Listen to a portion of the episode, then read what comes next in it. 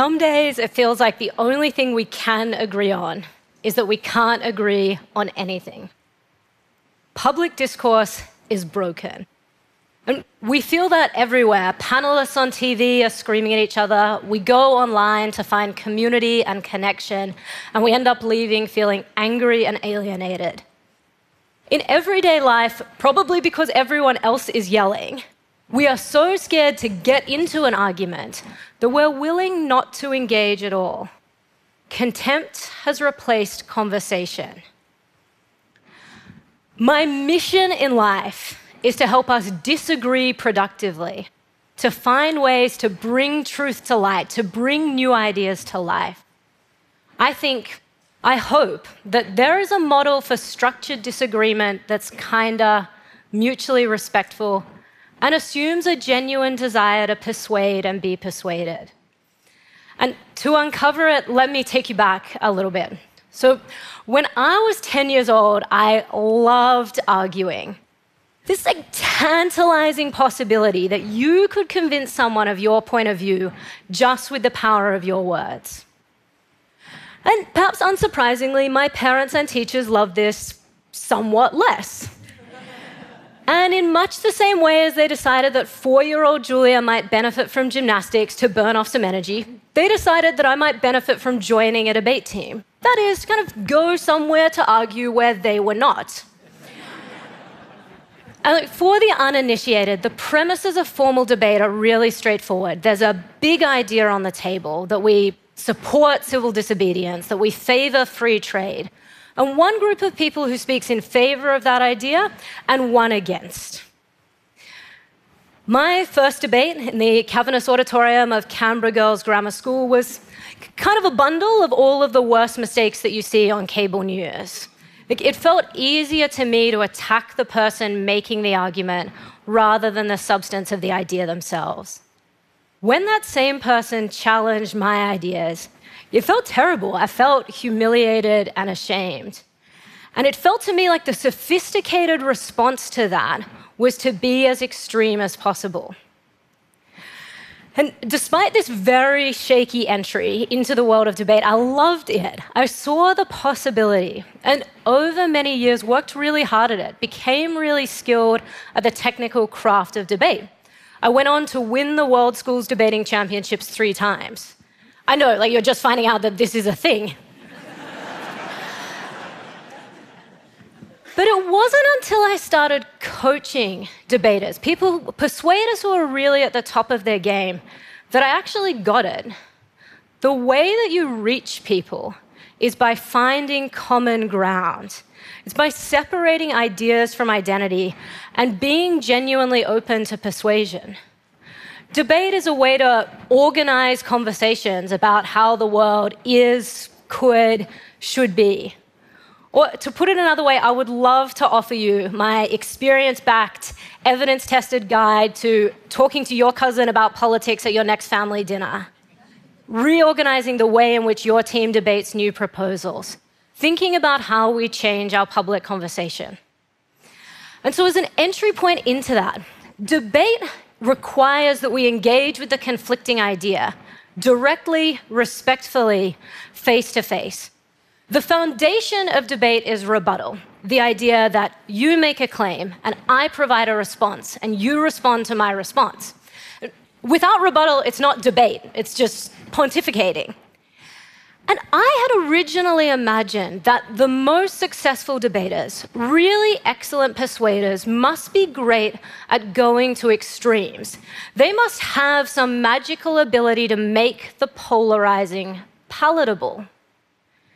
And it took me a really long time to figure out that the opposite is actually true. People who disagree the most productively start by finding common ground no matter how narrow it is. They identify the thing that we can all agree on and go from there. The right to an education, equality between all people, the importance of safer communities. What they're doing is inviting us into what psychologists call shared reality. And shared reality is the antidote to alternative facts.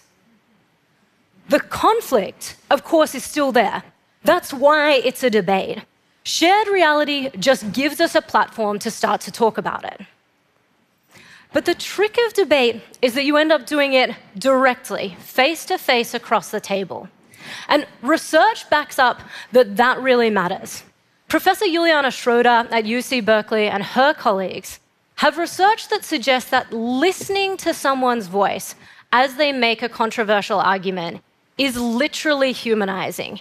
It makes it easier to engage with what that person has to say.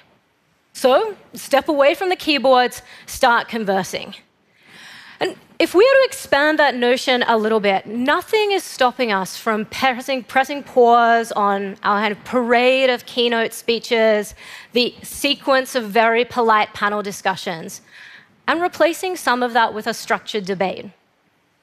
All of our conferences could have at their centerpiece a debate over the biggest, most controversial ideas in the field. Each of our weekly team meetings could devote 10 minutes to a debate about a proposal to change the way in which that team works. And as innovative ideas go, this one is both easy and free. You could start tomorrow. And once we're inside this shared reality, debate also requires that we separate ideas from the identity of the person discussing them. So, in formal debate, nothing is a topic unless it is controversial, that we should raise the voting age, outlaw gambling. But the debaters don't choose their sides. So that's why it makes no sense to do what 10 year old Julia did. Attacking the identity of the person making the argument is irrelevant because they didn't choose it. Your only winning strategy is to engage with the best clearest, least personal version of the idea. And it might sound impossible or naive to imagine that you could ever take that notion outside the high school auditorium. We spend so much time dismissing ideas as Democrat or Republican, rejecting proposals because they came from headquarters or from a region that we think is not like ours. But it is possible. When I work with teams trying to come up with the next big idea or solve a really complex problem, I start by asking them, all of them, to submit ideas anonymously. So, by way of illustration, two years ago, I was working with multiple government agencies to generate new solutions to reduce long term unemployment, which is one of those really wicked, sticky, well studied public policy problems. So, exactly as I described right at the beginning, potential solutions were captured from everywhere. We aggregated them. Each of them was produced on an identical template. At this point, they all look the same, they have no separate identity. And then, of course, discussed, picked over, refined, finalized. And at the end of that process, more than 20 of those new ideas are presented to the cabinet ministers responsible for consideration. But more than half of those, the originator of those ideas, was someone who might have a hard time getting the ear of a policy advisor, or who, because of their identity, might not be taken entirely seriously if they did. Folks who answered the phones, assistants who managed calendars, representatives from agencies who weren't always trusted.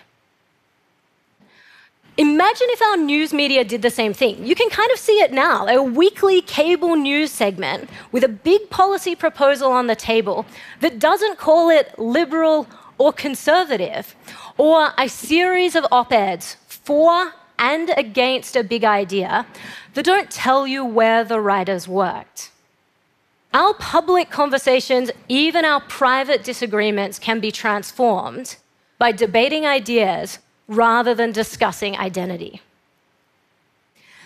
And then the thing that debate allows us to do as human beings is open ourselves, really open ourselves up to the possibility that we might be wrong, the humility of uncertainty. One of the reasons it is so hard to disagree productively is because we become attached to our ideas. We start to believe that we own them and that by extension, they own us. But eventually, if you debate long enough, you will switch sides. You'll argue for and against the expansion of the welfare state, for and against compulsory voting. And that exercise flips a kind of cognitive switch. You, the suspicions that you hold about people who espouse beliefs that you don't have starts to evaporate because you can imagine yourself stepping into those shoes. And as you're stepping into those, you're embracing the humility of uncertainty, the possibility of being wrong. And it's that exact humility that makes us better decision makers.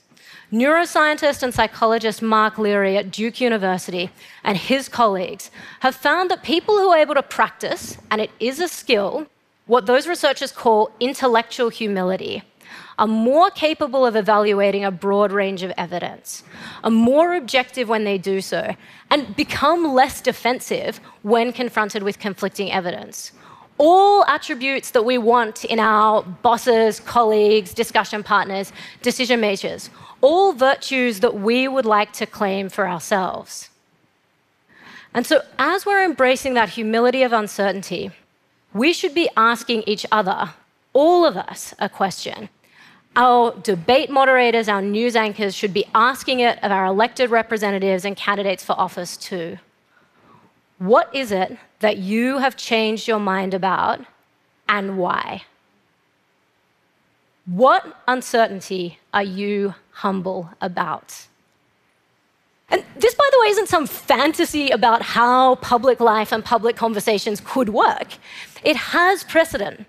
So, in 1969, beloved American children's television presenter Mr. Rogers sits impaneled before the United States Congressional Subcommittee on Communications, chaired by the seemingly very curmudgeonly John Pastore.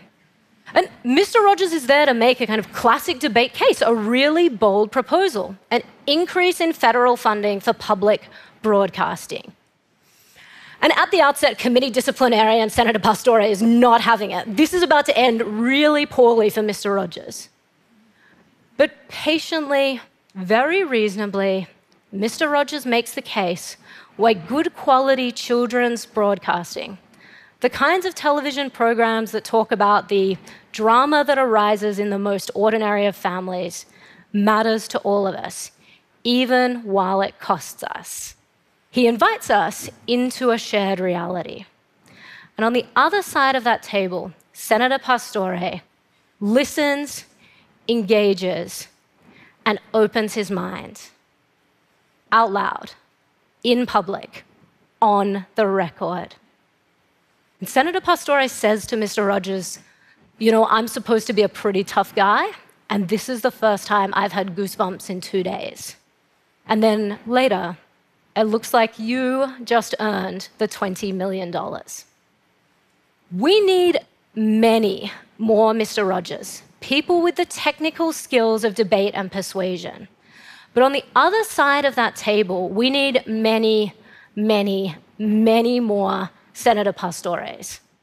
And the magic of debate is that it lets you, it empowers you to be both Mr. Rogers and Senator Pastore simultaneously.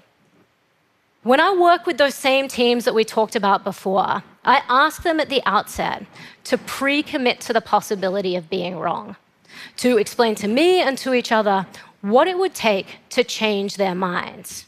And that's all about the attitude, not the exercise. Once you start thinking about what it would take to change your mind, you start to wonder why you were quite so sure in the first place.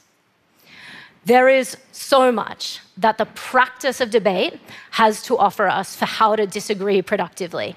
And we should bring it to our workplaces, our conferences, our city council meetings. And the principles of debate can transform the way that we talk to one another, to empower us to stop talking and to start listening, to stop dismissing and to start persuading, to stop shutting down and to start opening our minds. Thank you so much.